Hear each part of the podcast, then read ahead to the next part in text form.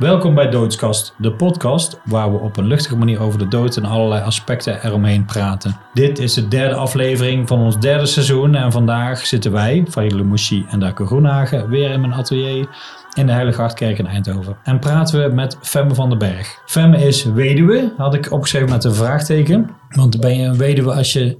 Zijn, ben je getrouwd geweest? Nee, we waren niet getrouwd. Maar Maar ben je nou nog even goed wel weduwe? Ja, of ik zeg dat wel. Maar ik zeg soms ook dat het mijn man was, omdat het dan, alsof het dan officiëler klinkt. Mm, terwijl dat was ja. het helemaal niet. Ja, het was nou ja, wel. dat is wel interessant. Ja, of zeg want- Dus dan ben je eigenlijk, als je, als je niet getrouwd bent, daar is geen woord voor. Dus Ik weet niet of dat de definitie officieel. is. Ja, Dat weet ik nee. eigenlijk niet. Nou goed, ik ga gewoon verder met mijn intro. ja, ik, vind het, ik vind het ook interessant. Eh Femme is dus weduwe met de vraagteken van Michiel Eikenaar en moeder van Kaat en Mies, de twee kinderen die ze heeft van Michiel. We zijn benieuwd hoe het voor haar was om het overlijden van Michiel mee te maken en hoe ze daar nu tegenaan kijkt. De aflevering van vandaag heeft als titel Leven na de dood.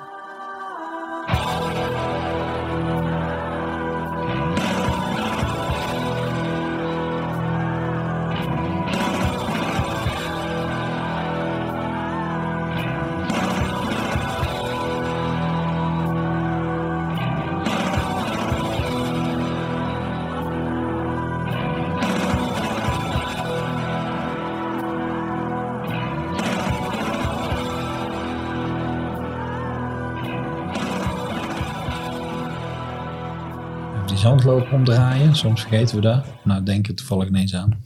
Die eh, loopt een uur, dus dan kunnen we een beetje in de gaten houden eh, Ja. ja, hoe, hoe ver we ongeveer zijn. Hey Femme, welkom. Dankjewel. Fijn. Welkom En in onze alles. Kast. Ja.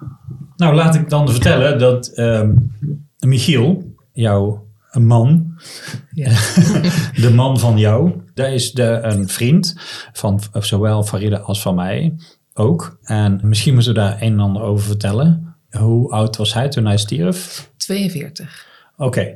En hoe lang is dat geleden? Eh, in april vier jaar. Echt waar, alweer Ja, vier vier jaar. jaar. Dat is bijna Ja. niet te geloven gewoon. Ja, Ja, 2019. Ja. Ja. Wauw. dat klopt. Dat klinkt, 2019 klinkt minder ver weg als vier, vier jaar. Ja. Ja. En eh, hoe oud zijn jouw kinderen nu? Eh, Mies is acht en Kaatje is eh, vi- vijf. Sorry.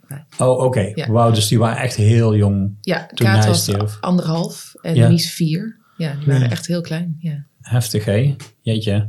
Oh, dat is, ja, dat is echt heel heftig. ja. Die hele kleine, Kaat weet daar die niks weet daar van. niks van. Nee. Tenminste, niet eh, bewust in ieder geval, eh, nee. Nee. Nou ja, met name voor, voor heftig voor jou, lijkt me dan.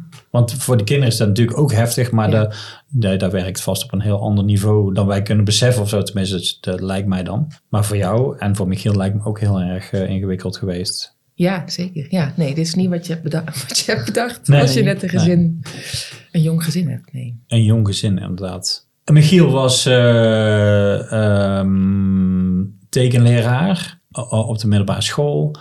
En zanger in verschillende verschrikkelijke zware metalbands. Dat klopt. Ja, toch?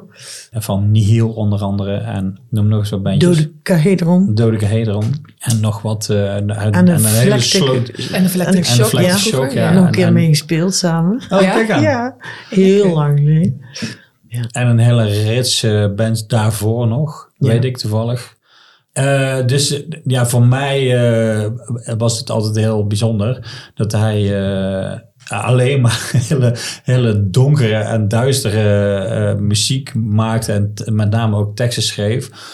die ook heel veel over dood gingen en over verderf en ellende. En ja, met name zeg maar in de tijd dat hij eh, eh, wist dat hij heel erg ziek was. En, en eh, toen heb ik wel eens ooit geprobeerd om met hem daarover te praten. Maar daar, daar wou hij niet aan. Dat ging niet, nee. Nee. Maar ik was blijkbaar niet de enige waar die moeite mee had om over dat soort dingen te praten. Want ik heb begrepen dat, dat voor jou en jullie was dat ook heel ingewikkeld, toch? Ja, nou, het is ook, ik denk dat als je ziek wordt, of Michiel had kanker, Hmm. dat, eh, Ja. had lymfklierkanker. En eh, in het begin was, werd er ook nog gezegd, dit is heel goed te genezen. Dus het is, Oh ja. ja. ja, dat is in het begin gezegd. Dus in het begin heb je misschien ook niet zulke gesprekken, omdat je nog in een soort ehm, je, wil, je wil dan ook in een soort eh, positiviteit en in optimisme zitten. Mhm. Eh, nu was Michiel natuurlijk niet per se een optimist. Mm. Niet altijd in ieder geval. Nee, dus hij wist ook zeker toen hij de diagnose kreeg dat hij, er, dat hij eraan dood zou gaan. Dat was zijn, ja, dat zei was hij zijn meteen. instelling. Ja. Ja, oké. Ja. Hij heeft hij natuurlijk gelijk in gekregen, dat is dan ook Ja. irritant. Maar ehm, ja. eh, Maar dat, daar begint eigenlijk al dan de moeilijkheid. Want hoe zag Ja. jij, want dat was voor jou misschien helemaal niet zo. Van nee, ze hebben gezegd, of hoe, Ja, je zit in een. Ja, wat ik net zei, je zit denk ik. Ik, mij, ik ben wel denk ik wel optimistischer ingesteld. Ja. En je, eh, het voelde een beetje als mijn rol. Niet om daar tegen in te gaan, want je wil iemand ook serieus nemen. Je wil niet zeggen: nee, dat is niet waar. Want hallo, je hebt net te horen gekregen dat je kanker krijgt. Dus ook, je kan ook niet iemands gevoel daarin ontkennen. Om dan te zeggen: Nee, nee, je gaat er niet dood Nee. aan. Maar tegelijkertijd was dat wel een beetje mijn tegengeluid. Ook in onze relatie, zeg maar. Dat hebt toch een soort ik- rol binnen ja, een relatie. natuurlijk. Het is gewoon nodig. Ja, Als je allebei depressief gaat zitten zijn, dan krijg je nooit, kom je nooit aan kinderen toe. Nee, en daarbij was het, we zaten ook in een, Kaatje was net drie maanden oud. Dus we zaten ook gewoon in Ja. een, nog helemaal, ik was net weer aan het werk, maar ik zat ook nog helemaal in zo'n, met een, met een baby. Een baby Ja, en, en- dus, en, een, en, een kleu, en een peuter. Ja. Mies was toen drie. En Ja. dus je zit ook gewoon nog in een soort, ik moest dat ineens helemaal in mijn eentje gaan runnen, maar ik had ook gewoon een baan. Michiel kwam thuis te zitten, maar kon niet meer in zijn eentje voor die kinderen zorgen. Maar, wil, zeg maar er was dus een soort, je zit ook meteen in een soort totale praktische modus. Hmm. Ehm, die heel veel, heel veel eh, opslokt. Ja, waardoor je helemaal niet daaraan meteen toekomt. heel grote gesprekken, Nee. of wij in ieder geval niet, misschien andere mensen wel, maar wij hadden ook niet meteen hier heel grootse gesprekken over. Nee, dat snap ik wel. Het wordt een beetje het, een, een, een onderdeel van jullie leven op dat moment. Wat gewoon heel druk is en heel veel ja, is. en in het begin zit je helemaal in de malle mode met wat worden de behandelplannen, hoe lang moet Ja. je waar, wat is in godsnaam, wat betekenen Allemaal al praktische die, dingen. en wat betekenen al die medicijnen die je moet slikken en al die infusen die je ingangen krijgt en hoe dan en mogen de kinderen mee naar het ziekenhuis of niet en hoe lang blijf je daar en wanneer zijn Ja. je waardes goed en je Super zit gewoon praktisch. helemaal daarin. Ja, Ik ja. voelde me ook helemaal de, de ziektemanager. Heel erg in Ja. Ook het contact met dokters, in dat je zorgt dat je de goede vragen stelt en in de helemaal zo. Ja, ja. Maar dat heeft het misschien ook te maken met je positieve instelling. Ja, misschien ja. En van je wilt toch een soort over, ingaals, een soort overzicht creëren in... Oké, maar als we wel helder hebben met wat wanneer moet of wat waarvoor dient. Maar dan- was dat dan ook jouw rol? Ik liet Michiel jou dat ook doen? Of deed hij dat zelf ook niet? Ehm, dat deden we wel samen, maar het hele gezinsleven heeft hij vanaf toen niks meer mee gedaan. Nee, nee. Dus dat is wel vanaf toen sowieso helemaal mijn rol geworden. En dat is ook een, dit is ook sowieso mijn karakter om dingen een soort, oké, dan gaan Aan we dit zo en zo pakken. en zo en zo doen. Ja. Maar wij hebben daar dus, om een beetje op jouw vraag terug te Mhm. komen, wij hebben daar in het begin helemaal niet heel grootse gesprekken. Of ja, ik denk wel tussendoor en wel dat je daarom moet huilen en dat je daar je angst over uitspreekt, Ja. maar niet dat zijn toch niet een soort de grootste gesprekken die je misschien voorstelt, die je meteen hebt als je zo'n diagnose krijgt. Nee, nee, dat snap ik wel. Maar nou goed, ik maakte eigenlijk een soort van link met eh, wat ik soort van verwachtte in, in Ja. die situatie, zeg maar, of zo.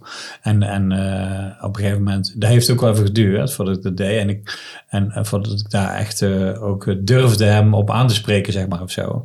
Maar hij gaf heel duidelijk aan dat dat niet zo was. Maar dat, voor mij is dat een beetje eh, en als een soort van... Kijk, ik zeg wel, ik wa- was een vriend van hem, maar ik was natuurlijk niet zo'n goede vriend als jij een vriend van hem was. Ook kun je ook nog even over hebben, wanneer ben je dan precies een vriend? En wat Ja. weet je van, van zo iemand en waarom? Eh, dus wat ik eigenlijk meer wil zeggen is dat het een beetje, zeg maar, de, laten we zo stellen, een soort van Michiel zijn image naar de buitenwereld of zo. Ja. Als zanger van die heavy bands en, en schrijver van teksten en al nummers als Grond en eh Wheel the Skite en weet ik veel wat allemaal, allemaal echt van die hele heftige, ja, die allemaal over de dood gingen. Ja, Toen hij ervoor stond, toen dacht ik van, nou kunnen we een goed gesprek over hebben. Want nou wil ik het echt weten. En toen wou hij er niet aan. nee. Maar ik kan me heel goed voorstellen dat eh, er een heel groot contrast is tussen eh, de gast die, eh, weet ik veel, in een hele bak mist en een, en een microfoon staat eh, te, te, te krijsen onder het eh oorverdovende kabaal van heel heavy muziek. En iemand die met een kind van drie eh, maanden op de bank zit.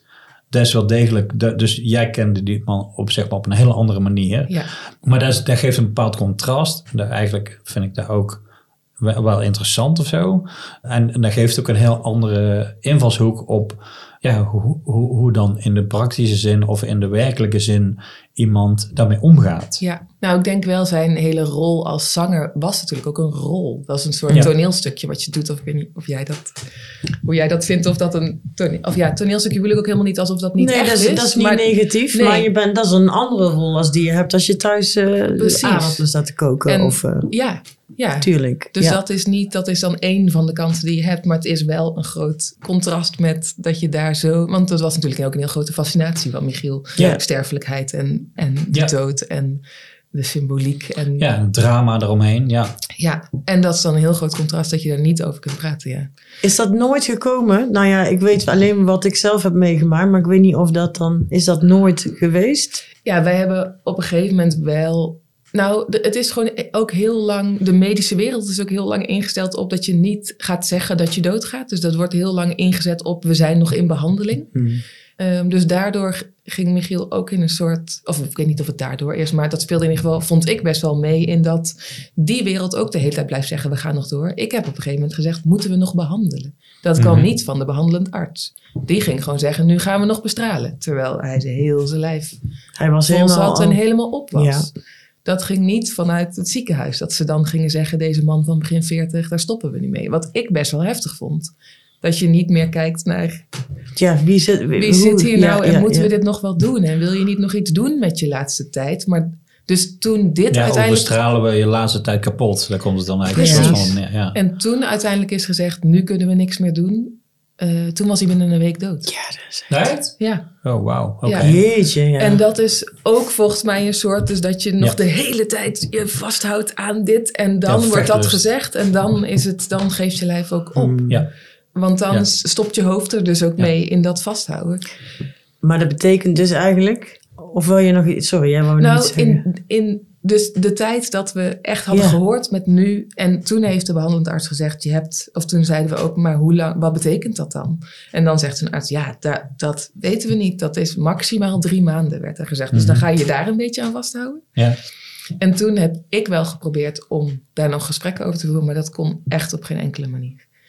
Oh nee? Ja. Oké. En nee, en maar, maar Michiel was toen ook gewoon al heel, was ook eh, niet meer, hij kon ook niet meer na- nadenken zoals hij eerst kon nadenken. Mhm. En was gewoon, hij was heel boos. Hij is gewoon heel kwaad, ja. boos. Hij is eigenlijk gewoon, hij is anderhalf jaar ziek geweest. En hij is eigenlijk anderhalf jaar lang boos geweest. Dat, Oh, jeetje. En, En- daar, daar zou jij wel een aantal van de klappen van gevangen hebben, denk ik. ja. En ik- Beetje positieve Alle denk ik, of niet? Alle Ja. klappen. ja. degene die, Want hij zijn heeft dat helemaal niet gedeeld. Nee, en hij ging dat met niemand delen. Maar het is Nee. natuurlijk een heel slecht idee. Het is natuurlijk een heel stom idee. Dat je dat niet gaat delen. Want Wat je, eenzaam ook wel. Maar Zeker. Ja, nee, voor- het is heel, ja. dat is heel treurig. Ja. Dat is voor, eh, voor ons allebei heel Ja. verdrietig geweest. En we hebben heus wel, natuurlijk hebben we heus wel tussendoor wel eens een gesprek gehad. Of Mhm. ook, we hebben wel ooit, hij heeft wel ooit tussendoor gezegd, ik wil toch begraven worden en ik wil op de natuurplaats begraven worden. Of we hebben wel een soort, en dat we daar dan ook dat gingen opzoeken. En dan zo, jezus, dat is echt keiduur. Zeg maar een beetje zo. Dus dat je dan nog wel op zo'n soort manier daarover kunt praten. Maar in die laatste week met, heb ik nog geprobeerd, zijn er nog mensen met wie die je nog wilt zien? Of wil je nog van Mhm. iemand? Ehm, maar er is toen niemand meer, er mocht niemand meer langskomen. En wat ik nog steeds een beetje onverteerbaar vind, is dat hij wilde ook geen afscheid nemen van Mies en Kaat. Dus die, die heeft hij gewoon niet meer gezien. Oh, Dat oh is- wacht even. Maar wa- ja, nou, was Michiel thuis? Die was op het laatst was die toch thuis? Of is dat niet Ja, zo? maar hij, wij gingen naar het ziekenhuis voor de, zeg maar voor weer, dan heb je weer een scan gehad en dan krijg je dus hoe staat ervoor. En Ja. toen zei de behandelend arts, dit is niet, ja, nu is het op. En het ging ook thuis niet meer. Ik kon niet, ik kreeg, het lukte mij niet meer in mijn, e- Michiel kon de trap niet meer echt oplopen. Hij viel heel vaak om. Ik kon hem gewoon niet, ik kon hem niet meer in mijn eentje thuis. eh, ik redde dat niet. Nee. Nee. Nee. Ik kon niet voor hem zorgen als er ook twee Twee kinderen zijn. kinderen, En ja. ik was gewoon niet, ik wilde ook niet zijn verzorger zijn. Of zeg maar niet, Mhm. dat, ik kon dat gewoon niet. Ik kon Nee. dat niet.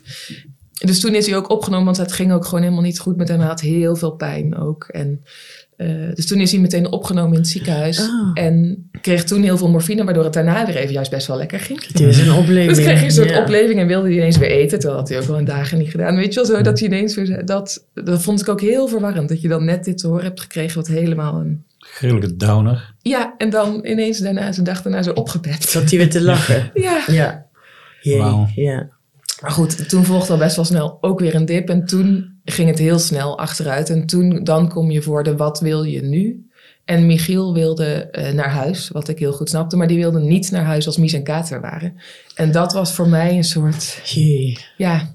Ik wist niet, ik wist dat ik dat. eh, Ja, wat moet je dan doen? Ja. hoe kan dat? ik Nou, moest een ja, soort ja. kiezen. Ja, Ja, nou. Jo, dat is wel inderdaad tricky. En omdat ik had ook nog in mijn hoofd, ja, maar dit kan nog drie maanden duren. Ik kan niet drie Mhm. maanden Mies en Kaat naar mijn Weg ouders. Parkeren, ja. En dat was voor mij een hele, hele moeilijke. Met, ja, maar hoe, dat kan toch niet? Mies ging ook gewoon naar school. Die zat net in de kleuterklas. Het leven ging wel gewoon ja, door, zeg ik kon toch niet... Hoe, Ja. en Ja. ik wil ook mijn kinderen bij me hebben. Want hallo, ze gingen hun Ja. vader al kwijtraken. En, maar Hm. ja, ik wilde ook er voor Michiel zijn. Maar... En toen heeft hij bedacht, dan ga ik naar een hospice. En, maar dan zit je steeds met wachtlijsten. Dat is ook heel... Ja. Oh, dan moet je tijdig... Dan moet je dus eh, wachten tot er iemand doodgaat. Want, Tip, tip voor de luisteraars. Schrijf je vast in. Ja. ja. ja, dan moet je... Ja, het is Jee. wachten tot er iemand overlijdt. Want dan kun je... Ja. Maar dan wat, wat, eh, dan, wat vreselijk moeilijk voor jou, omdat je gewoon... eh, eigenlijk is dat onmenselijk wat je moest doen. Of ja, wat, Ja, daar is, daar, je kan dan dus geen goede... daar je kan het nee. niet goed doen. Nee, en ik kon het ook niet meer. Hallo, ik bedoel, ook mijn man ging dood Ja. natuurlijk. Dus Ja. dat was ook een soort... Hoe doe je dit dan? Ja. En, ehm, maar toen ging het echt, zeg maar, toen zagen we ineens hoe snel het slecht ging. En toen wilde Michiel niks meer zeggen. Dus toen wilde hij niet meer zeggen wat hij wilde. Oh, Hij wilde, maar wat, oké, ja. Ja. sorry. Ja, kom maar door. Hoe Ja. die dat, eh, hij zei gewoon, ik heb geen zin om erover te praten, ik wil er niks over zeggen, dus Hij- hou je mond. Nee, hij ging eigenlijk. gewoon niks meer zeggen. Oh, Ja. shit. Dus die, Dan die, wist ik echt niet dat het zo heftig Ja. was eh, geweest eigenlijk. die stopte gewoon met praten dan. En ja, Maar hoe bedoel je, die, je zegt hij stopt met praten, maar stopt hij met praten in het algemeen of als het Nee, Als ergens je het over ging? daarover had. Oké, Ja, want hij, ik heb, ik heb wel steeds gezegd, als jij, ja, natuurlijk moet jij, het is jouw keuze. Dus als jij nu zegt, ik wil wel nu naar huis, dan gaan we dat Ja. uiteindelijk regelen. Ja. Maar dat moet jij wel zeggen. Dus Ja. jij moet nu zeggen, ga, wil je naar een hospice of wil je naar Ja. huis? En ik snap ook echt als je naar huis wil, want toen zagen we inmiddels wel hoe slecht het ging. Ja. Dus dat dat niet meer drie maanden ging duren. ja. En toen ging hij, toen ging hij dat niet zeggen. Toen ging hij daar... Toen, ging toen nam hij alle, beslissing, eh, alle beslissingen, deed hij gewoon niet meer, zeg maar. Nam Ja, geen beslissingen En dat op. is ook, en eh, ja, de- die laatste periode is alleen maar heel lelijk geweest. Ik sliep dan, ik wisselde met Sjoerd zijn broer af, Ja. met wie er in het ziekenhuis bij hem sliep.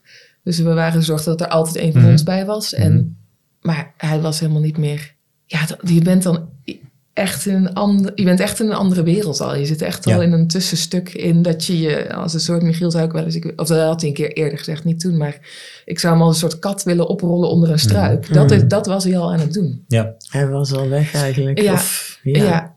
En dus hij kon, ook helemaal, hij kon ook helemaal niks meer. Ik heb nog ook in het begin wel geprobeerd met schrijf dingen op voor de kinderen. Mhm, Of mhm. laat iets achter voor ze, geef ze iets. En toen heeft Sjoerd ook op een gegeven moment gezegd, je moet daarmee stoppen. Hij gaat dat niet doen. hm, Hij gaat dat niet meer doen. nee. En toen uiteindelijk heeft hij wel gezegd, ik wil naar huis. Toen, hebben, toen, dus toen is hij die dag nog naar huis gegaan en die dag overleden thuis. Oké, Of, Echt, mm, wat was het? 9, Op eh, het 12 april. 12 april. Oh Of ja. nou ja, officieel, ja, het was s'nachts. Maar het In is de dus zo, nacht, 11 april kwam hij Ja. thuis op een donderdag. En die nacht is hij overleden. Ja. En, en Tjee. wat me nog Ja. wat in me opkwam, ha- had jij eerder sterfgevallen meegemaakt? Ja, ja wel. ehm, ja, de, de categorie de opa's en oma's. Mhm. Maar ook wel het zusje van een vriend van mij als puber. Al. Oh dat ja? heeft Oh, heel veel indruk oh, dat is wel gemaakt. En ehm, eh, ja, familieleden zo. Hmm, Tante en ja, oom. Die. Dus ik had, ben wel vaak op begrafenissen geweest. En eh, ook wel bij mijn tante, als, maar dat was als puber. Dus, dus van mijn moeder zo wel. Dat je Hmm. helemaal de begrafenis organiseert. Ja, ja, goed. En dan kun je ook zien hoe je moeder daarmee omgaat. Ja. ja, oké. Ja. 12 april, dat was tijdens Roadburn. Ja. En eh, dat, dat was een bizarre timing. Ja, Omdat, eh, ja, dat was eigenlijk... eh, dat is, een heel bijzonder festival in Tilburg. Wat Michiel heel erg... eh, ja die er paste. altijd was. Ja, altijd was. En Dat- vaak heeft opgetreden. ja, ja, ja. Dus de, eigenlijk heel de, zijn gemeenschap was zeg maar op één plek. Iedereen was daar. Ja, in ja. Tilburg, weet ik veel, een paar honderd meter van, eh, van, van zijn thuis. Ja. En dus we hebben van de dag van tevoren nog een foto gemaakt met Daar zo'n was ik mensen. dus niet bij. Nee, dat klopt, maar Ja. ik, ik toevallig wel. En, eh, Ja. eh, ehm, dus daar heb ik een soort van, op die foto een soort van uitgezwaaid of zo. En, en eh, dus qua timing was daar allemaal best wel eh, bijzonder eigenlijk. Ja. Eh, tenminste, voor zijn achterban. Want eh, ja, en dan reken ik jou daar niet aan mee. Nee, ik was even niet op rood. Nee, nee, nee. Ehm, en eh, de dag daarna speelde een band, die speelde een requiem. Eh, en volgens mij, zo'n gast van Celtic Frost of zo, of een of andere wazige band.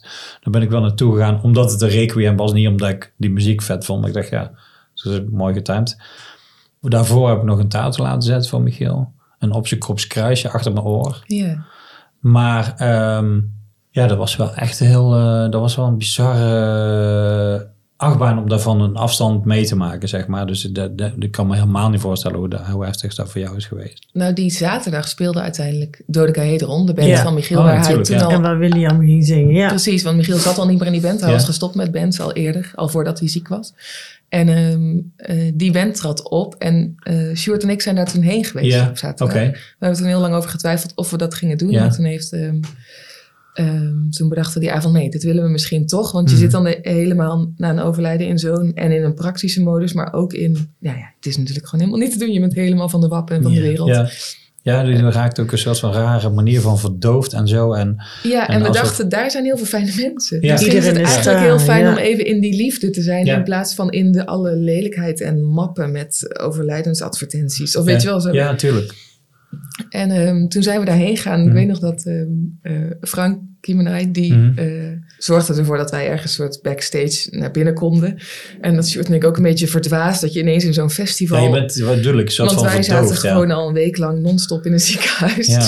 En eh, toen zaten we daar. En toen weet ik ook nog dat William, dat we William die dus net moest gaan optreden. En dat hij zei, willen jullie alsjeblieft niet tegen de rest van de band zeggen dat jullie er zijn. Die kunnen dit niet aan.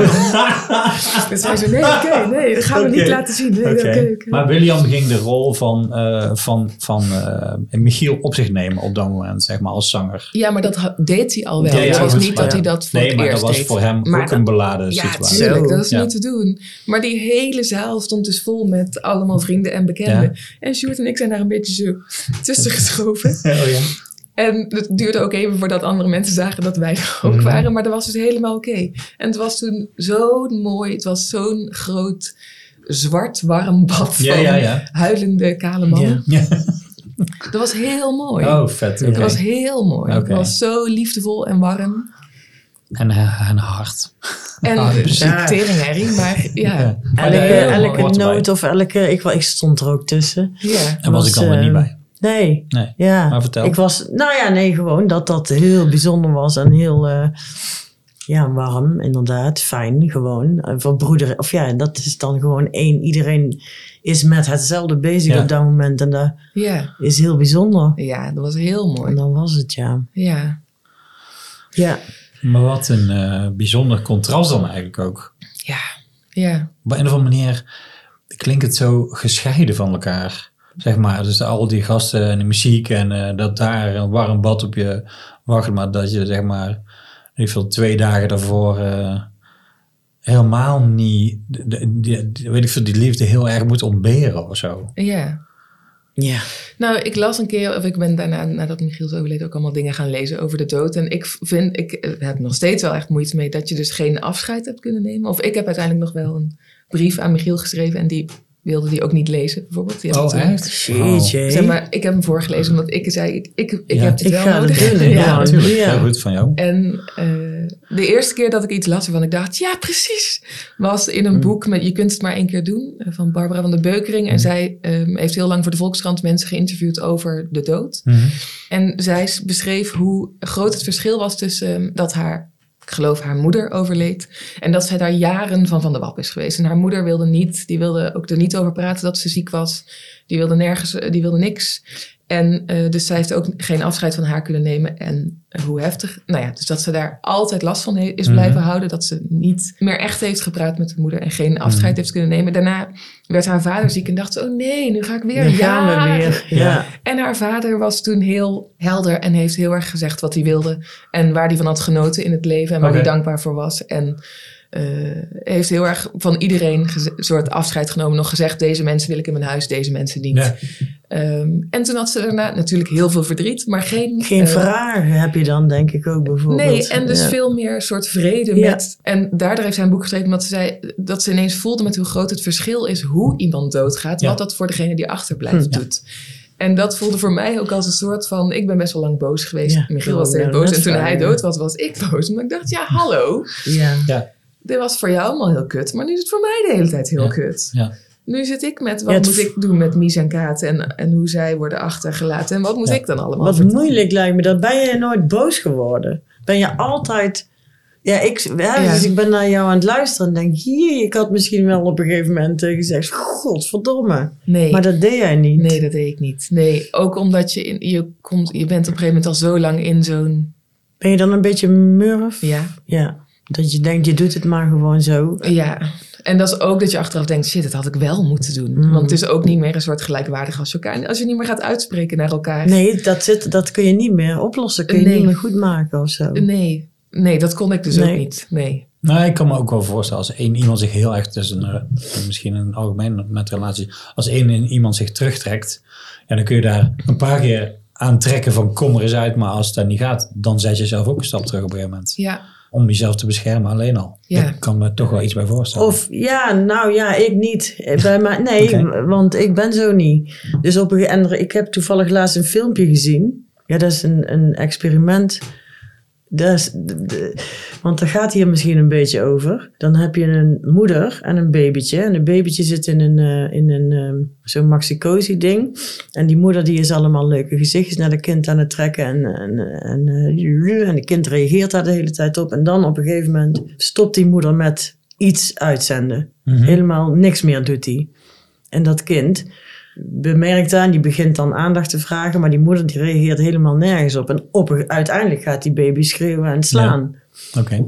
Dat je, want als iemand Ja. anders stopt Vlak is, gewoon, ja. dan eh, ja, daar, daar roept iets in je op. Dus eh, ik kan me, kon me voorstellen dat, Dat je dan je- wel op een gegeven moment gewoon woedend wordt. Of in ieder Ja. geval het niet pikt of zo. Maar ja. ja. ik weet dat niet, hè, want ik heb dit nog nooit meegemaakt. Maar, maar voelde je genegeerd bijvoorbeeld? Nou, het ging, het ging gewoon niet... Het ging heel lang niet over mij. Nee, dat is het ja. wat het is. Of ik las ook een keer in een ander boek van iemand die zelf heel ziek was. Die schreef zelf, je wordt heel egoïstisch van ziek zijn.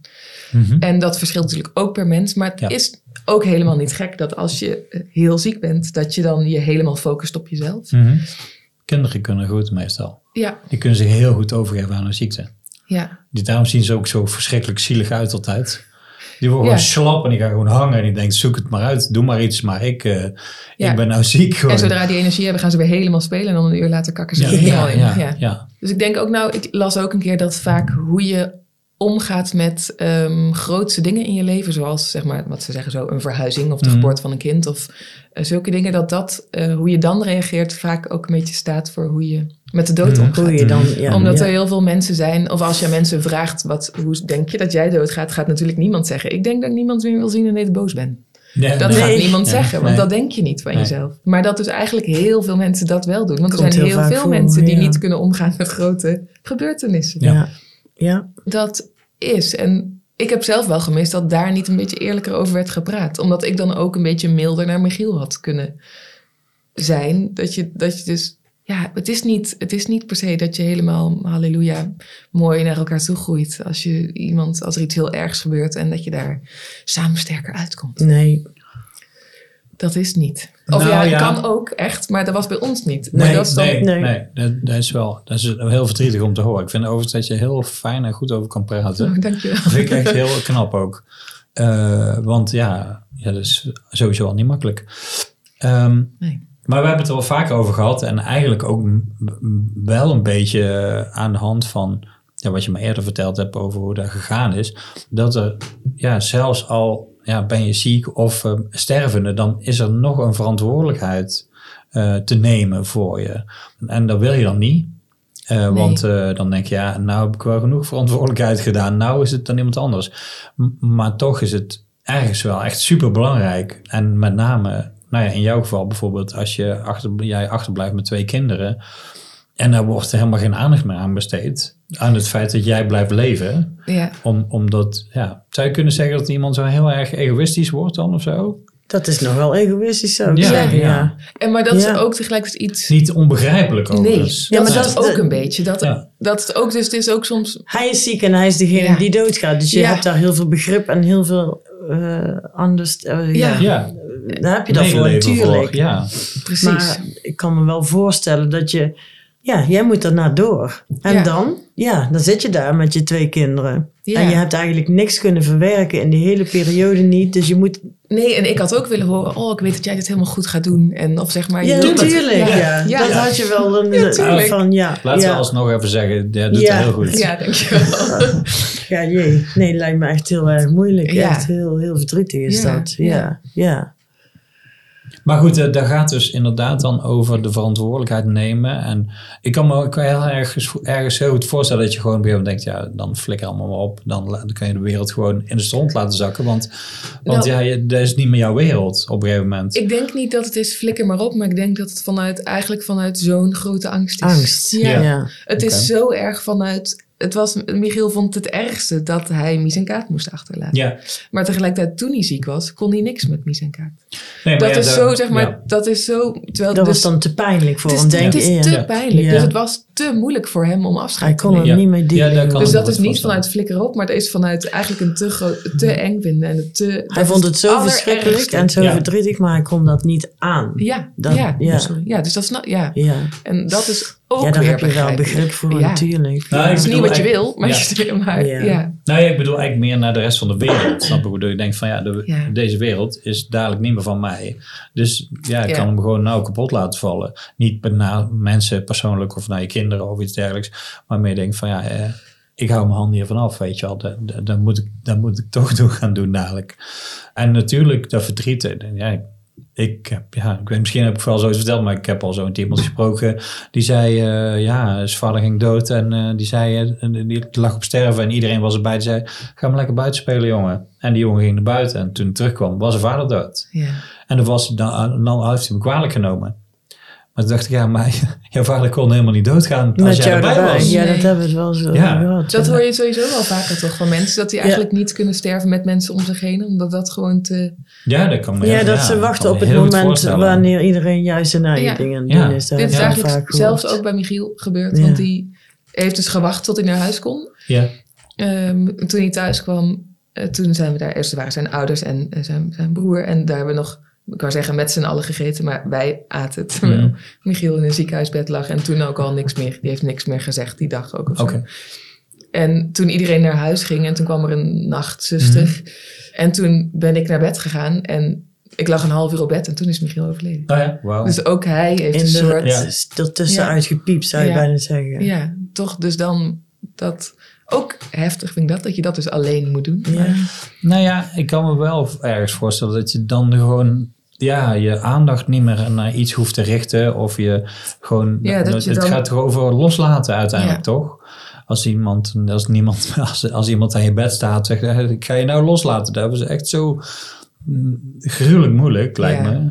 Want dat wil je niet, dat kan je niet. En dat wil je voor die mensen niet en dat wil je voor jezelf niet. Maar ja, als er even, ja, als je zeg maar, ja, op het moment is dat je alleen bent en je kan je eigen omdraaien en je, en je zakt, Ja. dan zak je in één keer er doorheen, zeg maar. Ergens kan ik me dat voorstellen.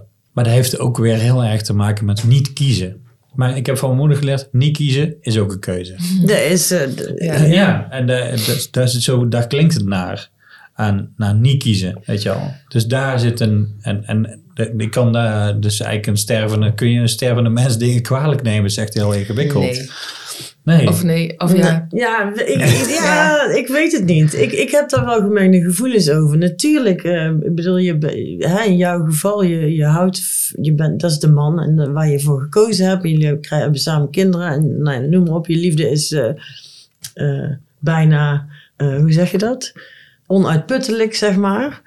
Maar hij heeft jou wel pijn gedaan. En, eh, ook, en dat wist hij, zeg maar. Ja, dat denk ik. Denk dus- je van niet? Nee, ik denk dat hij daar gewoon niet mee bezig was. Maar weet je, ik vind het bijna, ja, is zo moeilijk dat- te ja. begrijpen. Ik heb met, eh, want even om het heel even Ja. over mij te hebben en Michiel, zeg maar.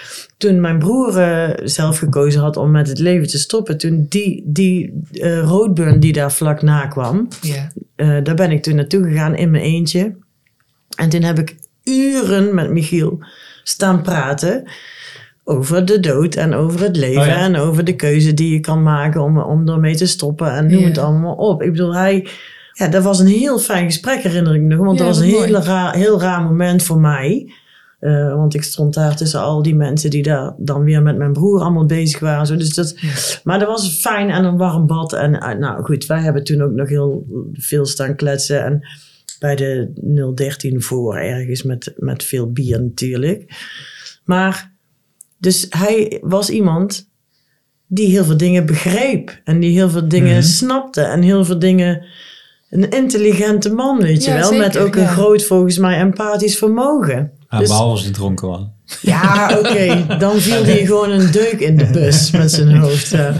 Maar dus ik kan me zo ontzettend niet voorstellen, zeg maar, dat er nooit een moment is geweest dat hij niet. Ja, Ja, zou dus dan, dat heeft beseft. ja, of dat is dan die pijn zo groot Ja. voor hem geweest dat dat alles aan de kant heeft geduwd. dat, dat denk het- jij zo. ik denk ja. dat het alles overheersend Ja. is geweest. Ja. Ja. dat hij op geen enkele, hij had gewoon op geen enkele Hij manier ruimte voor, iets meer. of iemand Ja. anders. Shit. En dat, of ja, ja. Ja, en dan kan ik nu ook makkelijk. Ik ben daar heel lang boos over geweest. Ja, dat dus snap niet- ik. Ja, Ja, dat vind ik ook dat wel terecht. snap ik. En, dat terecht ook. Ja, dat mag ook. Ja.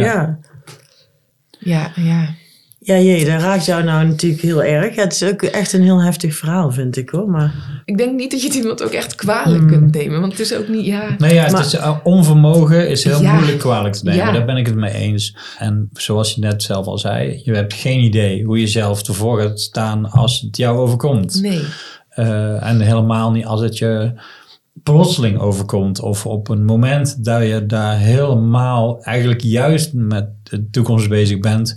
En Aan bent, Ja, ja. nee, ja, Michiel was, zoals ik hem een beetje ken, altijd een beetje een duistere, er zat een heel duistere kant aan. En die was bij Vlagen echt helemaal niet optimistisch. nee. Uh, maar goed, die heeft alles bij elkaar geraapt en toen hij jou tegenkwam. En toen, en toen zag hij, uh, een, uh, toen zag hij optimisme Hey, in, de toekomst. Ja, nee, maar dat is echt, dus zo is het echt Ja. gebeurd. Ja.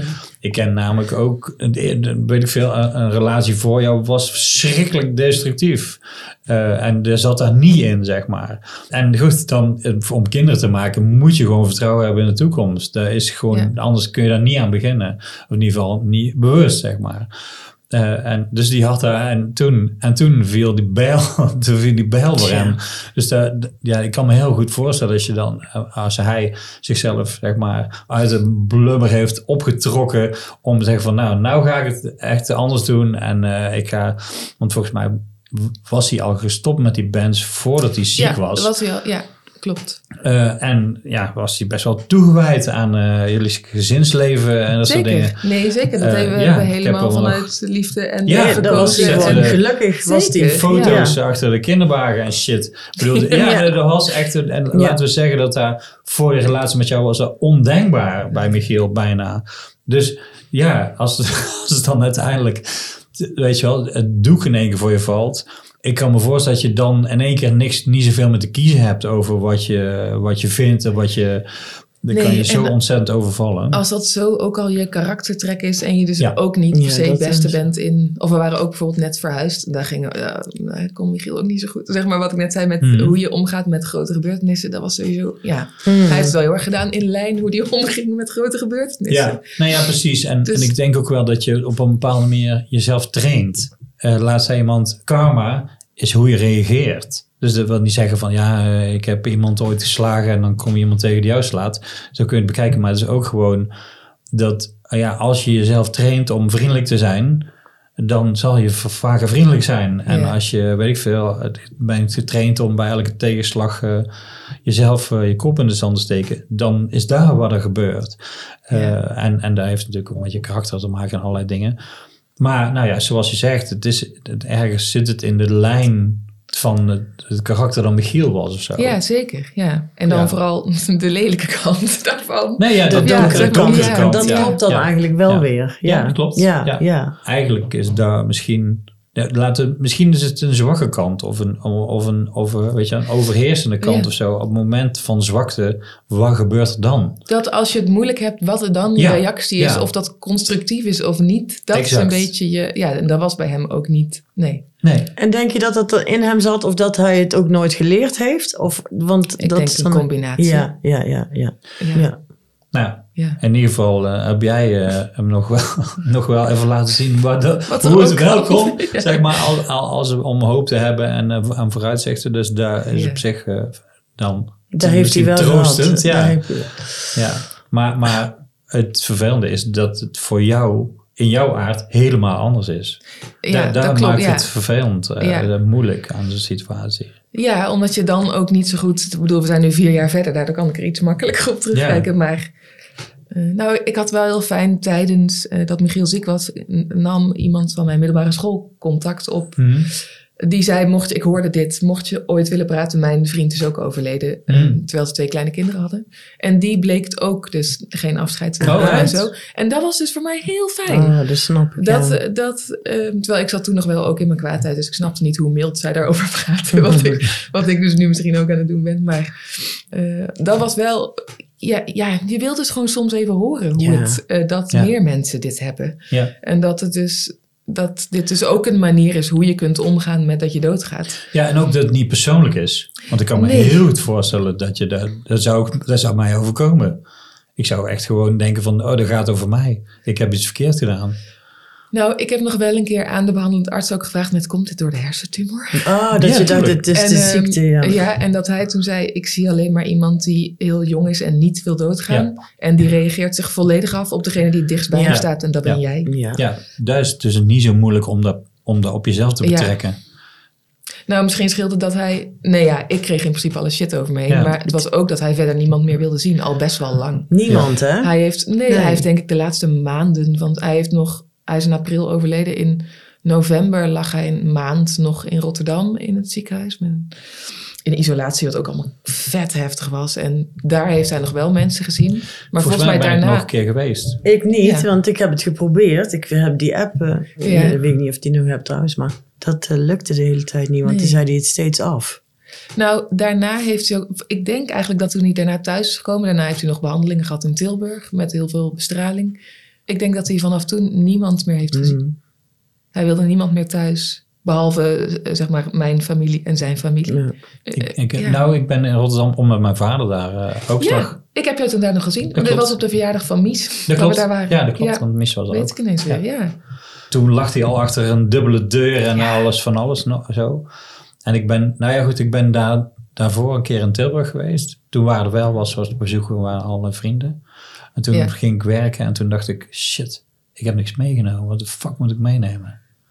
En toen fiets ik naar, de, naar het ziekenhuis toe en toen kwam ik langs de fopwinkel. En toen dacht ik, ik haal een heliumballon. Die heb ik een heliumballon, dus liep ik met zo'n ballonnetje naar, naar mijn death metal vriend eh, in het ziekenhuis. Maar goed, er waren heel veel mensen met ballonnen, want die kwamen allemaal van de kraamafdeling. Dus het was eigenlijk heel normaal met een ballonnetje te lopen. En toen, en toen deed ik daar gewoon, dan kun je inademen, dan krijg je een hele debiele stem van. en eh, dat ging ik doen. En toen, en toen zag ik echt iedereen, die, al die gasten keken me aan. Wat doe fuck jij? Wat doe maar jij? het was de enige wat ik kon bedenken. Om te- ik Oh, moest iets doen. iets, moet ja, iets. ja, ja. En ja. Dus toen kreeg ik naar de hand zo... Hé, hey, eh, dat was grappig, eh kliniek clown. En zo. Soort- maar dat was toch grappig. Toch even een beetje een ontregelen. Ja, ja, nou ja, dat. Ja, iets, Ja, iets, iets flauws of zo. Ja. Of iets debiels om... Een Ja. grap. Ja, even Ja. eruit. Uit die heavy, eh, heavy Ja. shit. Mhm. Dat was echt... maar dat was heel toevallig dat ik langs die winkel kwam. En dacht, dat is het enige wat ik kan bedenken. Bloemen, wat even. Ik kon het gewoon Nee, niet bedenken. Ik, ja, maar alsof je dat... Nee, ja, dat was grappig. Ja. Tenminste, dat was een poging. maar ik kreeg even meteen, eh, ja, verrekte kliniek clown. Dat was Ja. mooi. Maar in het ziekenhuis, ja, dat klopt. Dat was op de verja- Ja. verjaardag van, van Misa, ja. ja, die werd toen vier. Ja, Ja. Ja. Jouw kinderen, Ja. in ieder geval één daarvan lijkt enorm op Michiel. ja hè, dat is echt een mini-versie. Ja, die heeft echt een soort van eh, diezelfde donkere frons af en toe. Ja, dat is Dus haar, een stuk haar neutrale blik is even neutraal als bij Michiel. Ja. Ja. dat je altijd denkt dat iemand boos is, maar dat is niet. Dat is gewoon in mijn hoofd. Ja, dat, dat, dat, dat is ook bijzonder, toch? Om daar dan tegenaan te kijken. Ja, er is al echt vanaf de geboorte een soort... Dat Michiel ook zei, oh, dat is zielig, want ze lijkt echt precies op mij. Maar zij is een meisje. Ja, het was, Ja. De gelijkenis is echt niet Ja, normaal heel veel ik weet nog ja. één keer dat hij om de hoek kwam bij eh, Dave en Tessa achterom, Ja. ook met roodburn. Dan lag zij nog in de, in de kinderwagen, Ja, kwam dat zou zo. Mhm. En toen keek ik echt zo, huh? Wat? Ja, Ja, bijzonder. ja, Ja, dat klopt. Ja, die lijkt heel erg qua hoofd heel erg op haar. Maar dat is ook wel fijn, toch? ja, Ja, tenminste dat is- voor jou. ja, Dan zie je, dan zie je het daar. Dan, dan, ja, ik weet niet. dat nog in. Mijn Ja. kinderen lijken niet op mij, dus dat is, Nee. wel- dat is ook wel weer raar. Ze lijken ook, overigens niet, ook, heel, ook niet heel erg op, mijn, op, mijn, eh, op de moeder van op, Op mijn moeder. moeder. Nee. Dus dat is een beetje, Oh, grappig. ja, apart. Maar, maar het lijkt me dan, als iemand dan weg is, dan heb je er ja, toch wel altijd een soort van herinnering aan of zo. Maar ja- maar ja, oh sorry. Nee, zeg maar. Nou ja, als je heel kwaad bent, wat je eerst wel Oh, bent ja. geweest, dan is dat misschien niet altijd even fijn. Ja, of maar zo- dat- zo nee. was het niet. Nee, want ik zie ook niet per se... Of ik zie dit soms wel in een soort flitsen. Maar ik zie Hmm. natuurlijk... Als ik Dat naar Mies kijk, zie ik. Mies. Dan zie ik niet Michiel. Dat is wel een soort... Nee, ja, maar ik kan me voorstellen dat op een foto of zo, dat Ja. er in één keer kan heel erg op kan vallen of zo. Ja. Ja, maar dan vind ik dat ook mooi. Zeg. Ja. Dan Ja. vind ik dat ook mooi, ja. Is een hele mooie foto van Michiel en, en Mies, denk ik, ja. samen tegen die muur. Waar ze Ja. allebei een beetje zo kijken. Staan ze op de allebei dezelfde manier. Ja. Super mooie foto. Maar hoe is het dan voor jouw kinderen nu? Of in de loop van de Ja. tijd geweest? Nou, Mies was, die was dus drie toen Michiel ziek werd. En Mies is altijd heel ehm, eh, talig geweest. Die kon heel goed, die liep pas toen ze twee was, maar die praatte al vanaf de eerste, zeg maar. Die kon Mhm. gewoon, ehm, dus die heeft altijd heel veel woorden gehad voor wat er gebeurde. Dus we hebben haar eigenlijk vanaf het begin alles verteld. Dus we hebben ook in het begin gezegd eh, dat Michiel kanker had. Mhm. En dat hij daarvoor heel naar het ziekenhuis moet. En ook gewoon in een soort simpel, dan zijn er slechte cellen. eh, En, Ja. Die, ja, en dan komen er, ja, hebben we gewoon, Je zegt we, of of jij, of samen. Ja, ik denk misschien ik vooral. Maar ehm, eh, ja, en ik weet niet hoeveel Michiel heeft uit. Dat weet ik eigenlijk niet meer. Dat is ook Oké. raar. Nee, niet uit. Maar we hebben nooit iets. Je hoort soms ook mensen zeggen dat ze dan dingen weghouden bij de kinderen. Maar dat hebben we eigenlijk niet gedaan. Mhm. Ook omdat ik kon dat überhaupt niet. Een soort, dan moet ik nog iets hoog houden. Ja. Helemaal geen ja. optie. Ja, nee. En ook omdat ik gewoon heel erg, wel ook echt heel erg geloof met... Kinderen hebben alles door. Ja. Dus het leek me ook heel raar om dat niet te delen met hen. Ook om, ik vind dit altijd een mooi voorbeeld dat de dag dat we, eh, Michiel had al heel lang last van zijn, eh, van zijn ademhaling. En toen is hij uiteindelijk na heel veel gedoe, met een huisarts die het heeft niet de goede diagnose stelde, doorgestuurd naar het ziekenhuis Mhm. om een foto te laten maken. Toen was hij nog geen eens terug en toen werd ik dus gebeld dat hij terug moest komen omdat het niet goed was. Waardoor ik dus door het ziekenhuis... Terwijl, on- terwijl hij onderweg was naar jou toe. Ja, Oh, dat ja. Hij, hij was net in het ziekenhuis geweest en, toen en ze konden dus hem niet bereiken. Mhm. Maar hij moest dus meteen weer terug. Waardoor ik dacht, oh fuck. Ja. En toen heb ik een soort zo heel snel mijn moeder kunnen regelen die dan op de kinderen past. En toen kon ik met Michiel naar het ziekenhuis. Mhm. En toen kregen we dus s'avonds laat na allemaal onderzoeken te horen dat het waarschijnlijk kanker was. En ik moest toen terug naar huis, want ik gaf ook gewoon nog borstvoeding. Dus ik zat met van die knappende tieten. Eh, en ook gewoon, ja, ik had dus ook helemaal geen flesjes of zo Mhm. van mijn moeder thuis. Dus ik moest ook echt, ik moest naar huis. Dus ik moest toen ook, voelde het toen ook heel debiel, maar ik moest toen Michiel dus in zijn eentje achterlaten in het ziekenhuis. En naar huis. En toen, ehm Mies lag al lang op bed. Maar toen probeerde ik dus Kaat aan de borst te doen en die weigerde. Die wilde niet. Die wilde Oh ja. niet. Die voelde dat. Die voelde gewoon Ja. volledig totale stress en paniek. Dat vond ik altijd zo, terwijl die was dus drie maanden. Bijzonder, hè? Maar dat Ja. is dus wat, wat, ook al ben je zo klein, dat weten Ja. mensen. Mhm. Of dat weten Ja, kinderen, dat ja. voel je. Dus daar, en ik heb het idee dat dat bij Mies in ieder geval heel goed heeft gewerkt. Of ja, zij heeft heel veel verdriet en zij kan nog Mhm. steeds ook echt Michiel missen. Mhm. Eh, maar zij kan het wel dus benoemen. Dus zij kan zeggen, ik mis papa. Of Ja. ik vind het stom dat, ze zei laatst tegen mij, ik vind het stom dat jij wel een papa hebt en ik niet. Oh ja. Oh ja. Ja, Ja. dat is ook stom. Ja, ja, dat is heerlijk Ja. gewoon. Nee, maar dat vind ik dus heel, ik vind het heel fijn dat zij zich wel, zij Mhm. kan dit, zij kan zich uiten daarin. Dat Ja. vind ik heel ja, knap. het is fijn als dat heel direct is. Ja. Ergens denk ik dus dat dat een beetje heeft geholpen dat we dus altijd er eerlijk over zijn geweest. wel, en ook ja. in de begrafenis hebben ze, ze hebben ook Michiel gezien toen hij zijn dood gewoon, was. En, ze waren er gewoon bij en ze waren ja, er onderdeel tuurlijk, van. Ja, ja. ja. ja. En ehm, eh, Kaatje, die was pas anderhalf. Mhm. Maar die heeft bijvoorbeeld, waarvan ik ook al denk, op de begrafenis heeft zij, de nacht voor de begrafenis werd zij ziek. Toen heeft ze de hele nacht alleen maar liggen kotsen. En dat heeft ze de hele begrafenis ook gedaan. Vind ik Nou ja, ook zo'n soort. wow. ja. Ja. Ja. Dat is ook niet ja, Nee, nee, toch? dat is Of niet zeg maar, niks, ja. lijkt mij. Ja. Ja, Spanning. En, en ja. Kaatje heeft, die weet niet beter dan dat Michiel er niet is. Want die heeft zelf geen herinnering aan hem. Dus zij zei laatst ook, ik ken papa alleen maar van de foto's. Ja. Mm. En die heeft het nu, het gaat nu weer iets beter, maar die heeft een tijdje dat ze best wel, dat ze heel boos en heel veel verdrietig was. En dat ze heet, zei, ik mis papa. En zij, kreeg daar, zij heeft daar nu hulp bij van iemand. En diegene zei, ehm, want Kaat kan, het zegt niks behalve dat. En dat snap ik, ja, ik bedoel, ze is ook vijf. Hè? Dus, Mhm. of ja, dus die, die, die voelt iets van onvrede en verdriet en iets groots. Daar Maar die, ze heel weinig plek, kan heel weinig eh, duiding aan geven. ja, maar die kan niet meer zeggen dan ik mis papa. Ja. Veel, daar komen geen andere woorden uit, ja, dat zeg maar. is ook misschien niet eens van haar allemaal wat ze...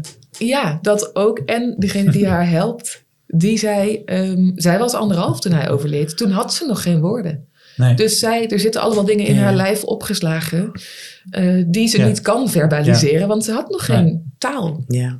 toen. Dat vond, dat vond ik ook wel... mooi, mooi. Klopt, of ja, ook Ja. mooi. Of eh, ook wel. Ik dacht, oh ja, Heel, heel ja duidelijk, dat ja. snap ik eigenlijk Ja. wel. Ja. Hm. Ja, Maar de, uiteindelijk zijn er twee super eh, gave dames aan het het zijn heel goed gelukte kinderen, Ja. al zeg ik het Ja. zelf. Ja. Ja, Ja. zeker. Gaaf. Ja, nee, zij zijn, zij zijn fantastisch mooi. Maar ik maak me natuurlijk ook zorgen over hoe... De, ja, het is ook het ergste wat je eh, kan overkomen als je klein bent. Het is niet, Mm, ja. of zeg maar... Nou ja, kunnen we, we kunnen Nou ja. allerlei heel vervelende scenario's niet dat ik daar een wedstrijd van wil maken, maar zeg maar Ja. wel dat je een van je ouders verliest, is wel een van de grootste dingen die je kan gebeuren. En dat is niet wat je wil voor je kind.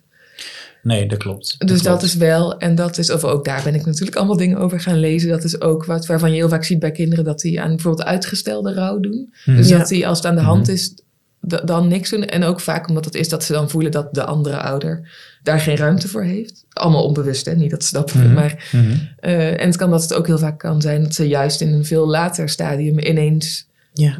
eh, heel boos of heel verdrietig Ja. zijn. En dat dat dan niet altijd wordt gezien als rouw, maar Mhm. dat dat dat heel vaak wel is. Tuurlijk, tuurlijk. Ja. Ja. Ja. nou goed, uiteindelijk is dat veel veiliger om dat op dat moment te doen. Ja, Als je andere, als je de enige overbleven ouder in de prak ligt en jij moet daar nog eens even, je gaat er nog even overheen. Ja. Ja, dat, is, dat is niet veilig. En, en, en, en als je heel jong bent, is dat zelfs levensbedreigend, zou je dat kunnen, Ja. zo kunnen ervaren. nou ja, Mies was toen Michiel net was overleden, die zat toen net in de kleuterklas.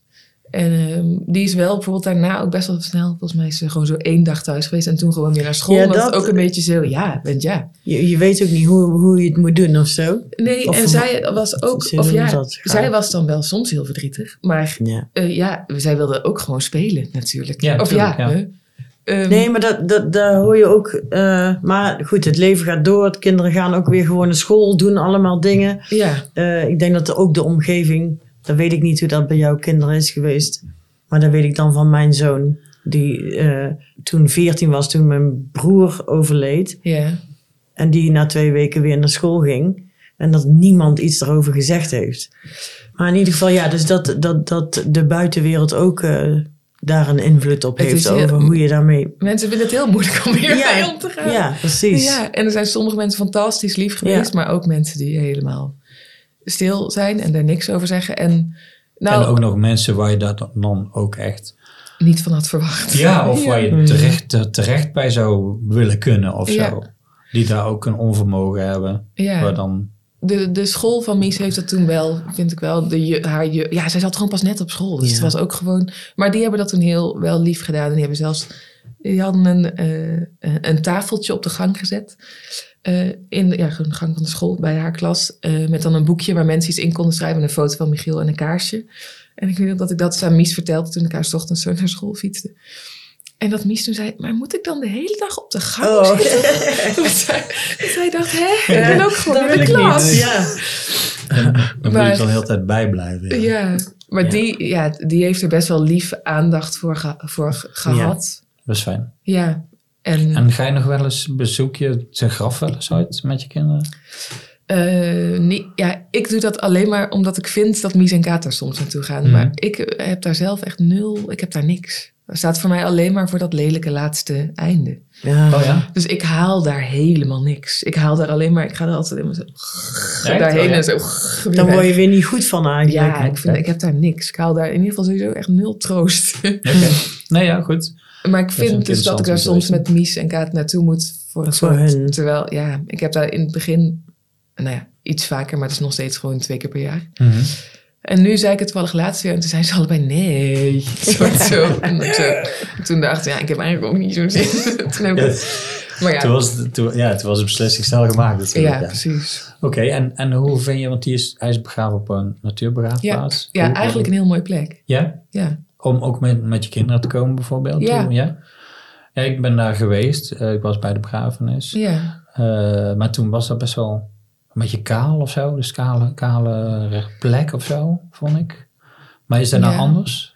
Ja, het, is gewoon, het is gewoon een, een groene, een, het is gewoon ook een plek waar je kunt wandelen. Maar Ja. dan met allemaal boomschijven op de grond waar dode mensen Ja, liggen. oké. ja. oké. Het is, nou ja, ik vind dat in ieder geval een stuk aangenamer dan begraafplaatsen waar je zo twee centimeter verder weer het nieuwe graf hebt liggen. Hm. Echt?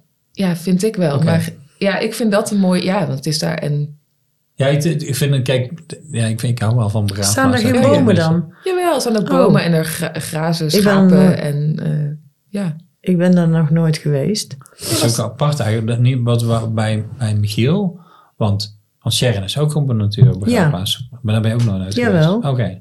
Dat is heel anders dan. Als het, die, is- dat is in ieder geval niet kaal, laat ik het zo zeggen. Maar het daar is staan daar, ik vind bomen. het daar ook niet kaal. Nee, nou goed, dat- maar- ja, het is wel meer een soort vlakte misschien dan... Ja, Maar- dat was het toen in ieder geval Ja. meer, heb ik het idee. Dat toen, toen hij begraven werd. Maar nou zit ik eigenlijk te denken of ik wel meegelopen ben helemaal naar de graf. naar de plek. Ja, dat denk ik eigenlijk niet, want er wa- waren, dat was beperkt.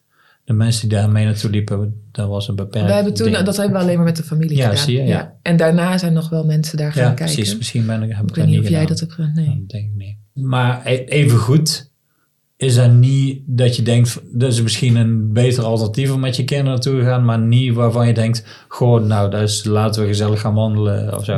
Nee, nee, dat heb ik niet Nee, in ieder geval. Nee. Maar dat heeft echt te maken met, met hoe het gegaan is voor jou. Voor mij, ik jou ja. net zeggen. Ja, En misschien sowieso heb ik niet per se dat kan ook dat natuurlijk. ik naar een begraafplaats Nee. wil om daar iemand te gedenken. En voor, het scheelt misschien ook voor mij. Michiel was natuurlijk mijn dagelijks leven. Of Mhm. die was gewoon, wij woonden gewoon al, we waren gewoon bijna tien jaar samen en Mhm. we draaiden een gezin. Dus voor mij zit helemaal Michiel in- niet in die plek of zo. Of Nee, die ik is helemaal ja. niet daar. Dat is helemaal niet, Ja. ja. Nee, dat klopt. Daar vorige keer eh, zei je dat je ook zo, daar, dat je als- aan, als je aan iemand denkt, dan, dan overkomt je een gevoel, zeg maar, Ja. meer.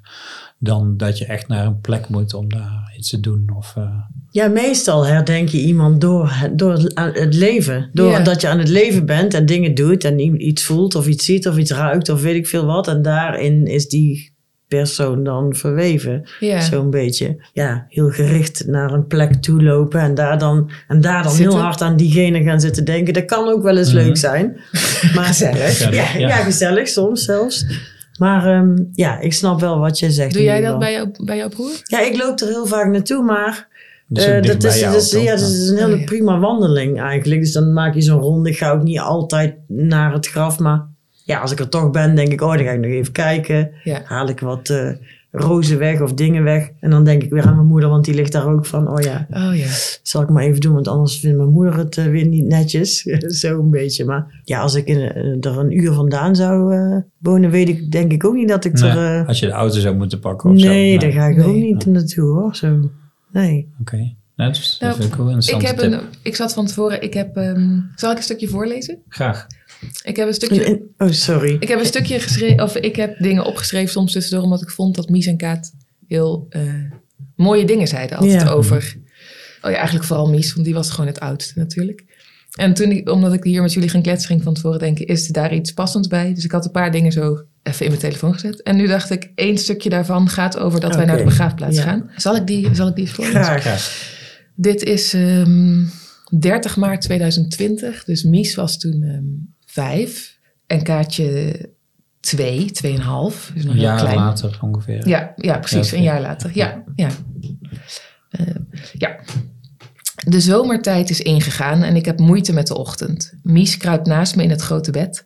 Terwijl ze met haar benen het dekbed opholt, zegt ze... Sommige mensen zeggen dat je een dier wordt als je doodgaat. Of een sterretje, maar je wordt gewoon een skelet.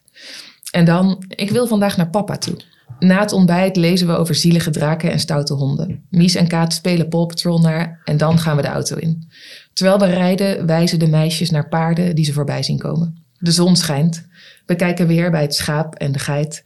Mies klimt op een boomstam, Kaat op een picknicktafel. Vanuit daar roept ze, nu wil ik naar papa. We lopen verder, door hoog gras een bruggetje over. Overal in het bos liggen platte boomschijven, beschreven met jaartallen en namen van de mensen die eronder liggen. Mies wil dat ik elke naam voorlees. Soms staat er iets bij als kom vooral langs of iets poëtisch over stilte of muziek. Ik kijk vooral naar de jaren. Iedereen is zoveel ouder dan Michiel. De meisjes zoeken bloemen voor papa. We tillen zijn boomschijf op om te kijken of er beestjes onder wonen. In het gras eten we een stukje appel. Mies en Kaat zien er knap uit in dit licht tussen al dat groen.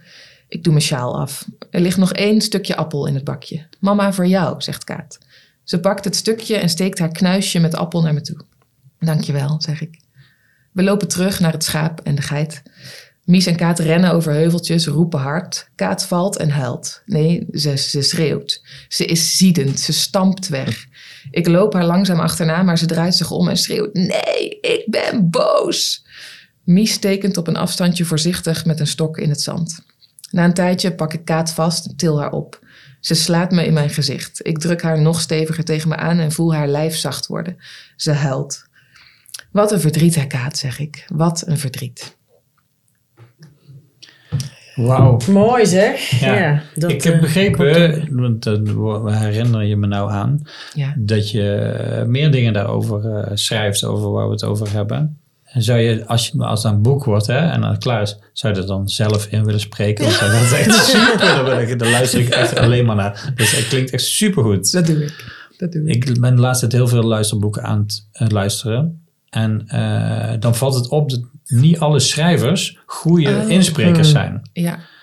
Eh, sommige schrijvers spreken zelf iets in, maar die kunnen daar heel, alleen maar heel vlak eh, vertellen. Oh, ja. Maar dit is natuurlijk zo persoonlijk. Dit is van mij natuurlijk. Ja. Ja. nou, Ja, en nou, je hebt een fijne stem. Heel gaaf. Dankjewel, Ik had nog één vraag, want eh, dan kunnen we een beetje afronden misschien. Mhm. Ben je gelukkig? Ehm, ja, Oh. ik denk het wel. Dat vind ik fijn om zo. Dat is mooi allemaal afsluiten, leek me. Ja. Toch? Fijn. Ja, Ja, toch? Vier jaar geleden nu. Ja. Ja, dus, dus Ja. ook, jij bent, je hebt geworsteld, denk ik. ja, Ja. en toen kwam ook corona en Oh, ik raakte ja. mijn baan kwijt. En nee, er gebeurden allemaal dingen die je allemaal niet wil. Ja. En de hele tijd een gezin managen, ja. Hardcore. ja. Leven na de dood. Ja, ja. Maar je, zit, je bent er en je zit hier en je kan er nou heel goed over praten. Dat Ja. is fijn, lijkt Ja. me. Ja. En je bent erover aan het schrijven. Dus ik ben ook Ja. heel benieuwd naar eh, het uiteindelijke boek. Daar gaan we dan Ja. in de podcast ook even aandacht aan Ja, zeker. besteden als, Nee, het, dat wil eh, ik graag. als ja. het uit is. Ja, Ja. zeker weten. Ja, ja. dat zou tof zijn als dat lukt, ja. Nou, dan gaan we in ieder geval houden mensen op de hoogte. Ja, ik wil nog één ding Ja, vragen tuurlijk, aan jou. Want jij zei net bedankt voor de tip. En toen dacht ik, welk, wat, wat bedoel je daarmee? Nee, ik weet niet meer wanneer ik er zei. Toen eh, zei- ik zei dat ik niet elke dag naar de graf ga van uh. Oh nee, ja, ik dacht van misschien is het handig om dan, als je ergens begraven wordt, om daar dan niet een uur verderop te doen. Oh, zo. Nee, maar goed, in de tuin gewoon. Nou ja, in ieder geval zeg maar, weet je wel, natuurbegraafplaatsen zijn vanzelfsprekend ergens in de natuur. Dus daar kun je Ja. niet zomaar naartoe wandelen voor iedereen. Eh, tenminste, de paar keer dat ik daar geweest ben op een natuurbegraafplaats. Iemand dat, ja, dat is e- echt een, echt een pleurisend. Ik heb geen auto bijvoorbeeld. Hè? Mhm. En dan kun je niet met de bus komen hoor. Dus niet, er Nee. stopt geen bus. Nee. Dus voor mij is dat bijvoorbeeld al heel onhandig. En ja, goed. De, en maar, maar jouw broer en jouw moeder liggen op loopafstand van jouw huis. Dus dan is de. En daarom zijn, die, zijn er gemeentelijke begraafplaatsen. Dat was vroeger natuurlijk Heel- altijd zo. Ja. logisch, ja. Ja, Nou, ja. ja. Dus ja, dus een overweging. Ja, Snap ik? Ik bedoel, zeker. daarom, daarom uh, nou goed. Nou ja, het, daarom het, ik aan denken. het- ja, het is een overweging. En het is ook gaaf. En het is ook fijn. Dus ik, hè, ik kan gewoon eventjes daar. Mhm. Mijn oma ligt op de andere begraafplaats daarnaast. En eh, nog mijn oom en mijn neefje. En dus het is allemaal echt eigenlijk van uh, oudsher, zeg maar, zoals dat dan gaat. Maar dan wordt het ook misschien wel weer moeilijker. Om ooit nog uh, straten uit te komen. Ja, ja, ja. Voor mij, dat dat te voel je weer zo Ja. eh, verantwoordelijk. Ja. ja. Dus ja, ik weet niet. Dat is ook een Oké, Ja, overweging. ja, ja, hebt het Ja. punt. Maar ehm, ja, eh, bedankt Femme. Ja, dat je zo. Ja, openhartig eh het over gehad hebben. Nou ja, goed. Dan eh, was het daar. Dat was het dan. Ja, goed. Ja, nogmaals. Ja. Hallekes. Hallekes.